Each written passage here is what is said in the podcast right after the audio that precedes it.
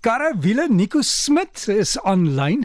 Hy hou self vakansie met goue koppie gekry met syn om met ons te kan gesels oor karre. Hallo Nico. Goeiemôre Derek, hoe gaan met jou? Ja, dit gaan met my voor want ek sit hier in Nelspruit. Ons werk deur ons Johannesburg ateljee ook en jy sit waar? Maar ek is hier in die Mosselbaai area, so ek nog steeds op vakansie. Ek is bevoorreg om 'n bietjie vakansie te hê, so ehm um, dit's 'n lekker dag. Die weer is baie lekker, so ons sal sekerlik weer 'n bietjie strand toe gaan, Derek. Ja, so jy's daai kar wat daar by koppie staan om syn te kry. Ja, met my altyd met altyd my arms in die lug. Ja, die syn is nog nie te sleg nie. ja, hoorie, jy het seker weer 'n klomp vrae gehad, né?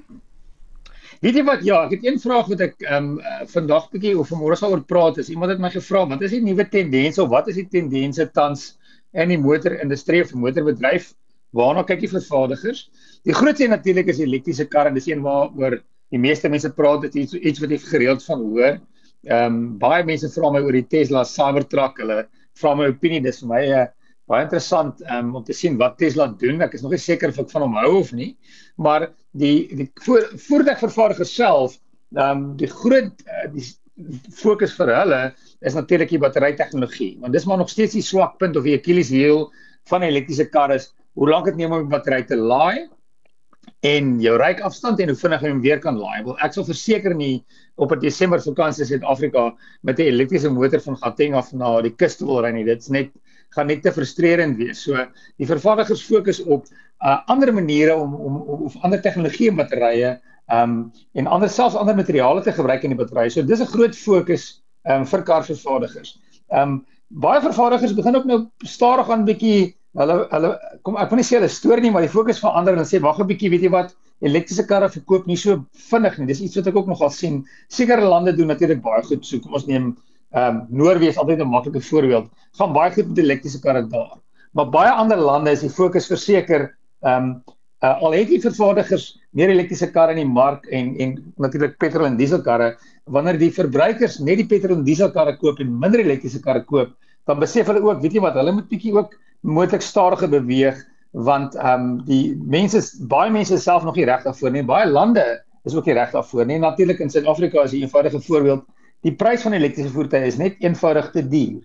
So solank die voertuie te duur is en ehm um, en byvoorbeeld in in ander lande maak die regering 'n um, ehm, voorsiening daarvoor. So jy ehm um, baie minder belasting moet jy betaal as jy byvoorbeeld 'n elektriese motor koop om so te help om 'n elektriese motor aankoop te hê. En natuurlik die groot probleem in Suid-Afrika is die groot afstande wat ons moet ry met elektriese motor motors.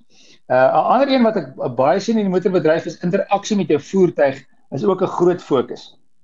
So baie nuwe uh, karre wat nou gebou word, het klare ingeboude SIM-kaart en dit beteken wanneer die kar 'n SIM-kaart het, kan jy met jou jou kar uh, met jou foon byvoorbeeld kommunikeer met jou kar, jou kar kan kommunikeer met die handelaar, jy kan jy kan die internet gebruik. Um, baie vervaardigers ehm um, gaan al so ver om om iets soos byvoorbeeld YouTube of Netflix in die voertuig te hê as jy ergens stop en jy's verveeld, gelukkig daarmee as jy bestuur nie, want omdat mense so baie hulle fone gebruik, is die fokus dan hoe kan ons hierdie in die voertuig sit? Met ander woorde ons ons probeer die mense nie net noodwendig kry om die voertuig te ry nie maar dit gaan ook nou oor hoe kan jy ehm um, self interaksie met jou voertuig? As jy byvoorbeeld in 'n restaurant sit kan jy byvoorbeeld kyk hoe as jy elektriese kar as jy elektriese kar byvoorbeeld gelaai word hoe ver is jou elektriese kar? Hoe ver word hy gelaai um, of hoe lank vat dit nog voor hy vol gelaai is ehm um, 'n ander fokus wat ek nogal redelik sien is selfry tegnologie baie vervaardigers praat oor dit ehm um, En ons het al redelike mate van selfry tegnologie. Baie voertuie al het radarspoedbeheer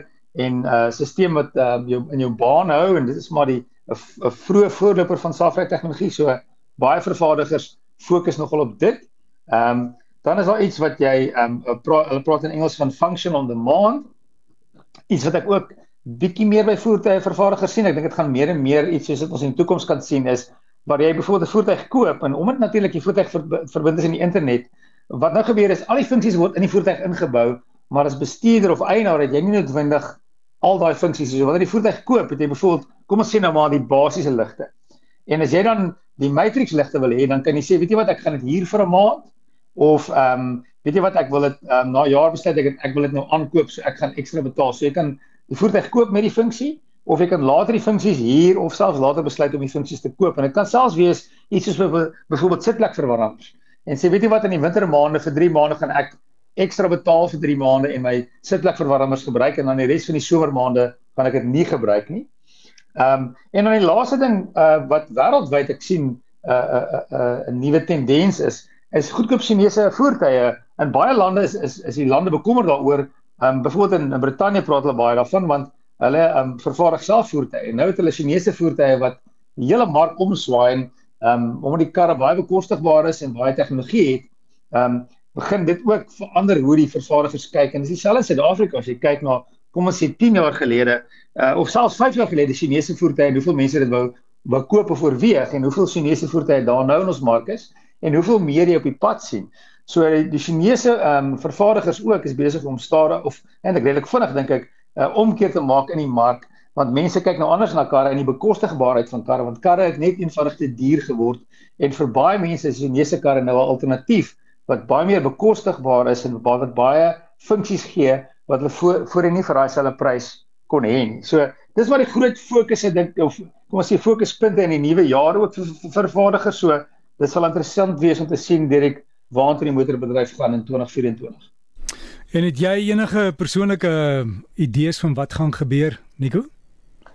Nee, Derek, ek wonder net self as ek nou die die die die groot ding wat ek wonder oor is elektriese voertuie en alhoewel die vervaardigers baie fokus op dit het, wonder ek of dit nie langer gaan vat as wat hulle aanvanklik gesê het. Dit aanvanklik elke vervaardiger, baie vervaardigers het sekere datums wat hulle sê, weet jy wat, teen 2026 byvoorbeeld gaan ons net elektriese karre verkoop en teen 2035 dan is nie meer petrol en diesel voertuie verkoop nie. Baie onlangs het BMW gesê ek het so 2 weke terug het iemand van BMW gesê, weet jy wat, ons gaan nie ons is nou nog nie reg om petrol en diesel voertuie te stop nie. Ons gaan dan nog 'n bietjie langer in die mark hou. So ek dink is iets wat ons meer gaan sien is petrol en diesel voertuie gaan langer in die mark wees as wat die vervaardigers aanvanklik gesê het hulle gaan doen.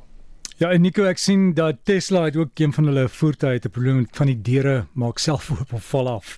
So hulle moes van die goed terug terugroep. So dit dit is 'n probleem, niks is perfek nie.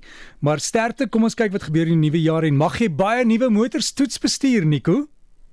Baie dankie en uh, ek hoop jy geniet dit of ek seker geniet dit daar in Nelspruit. Ja en en mag Vader Kersfees vir jou daai ou kar van jou se se boekie kry en baie dankie ek kuier lekker in Bombela. Geseënde Kersfees Nico. Mooi bly Derek. Mooi bly en dit dan Nico Smit met ons wiele bydra.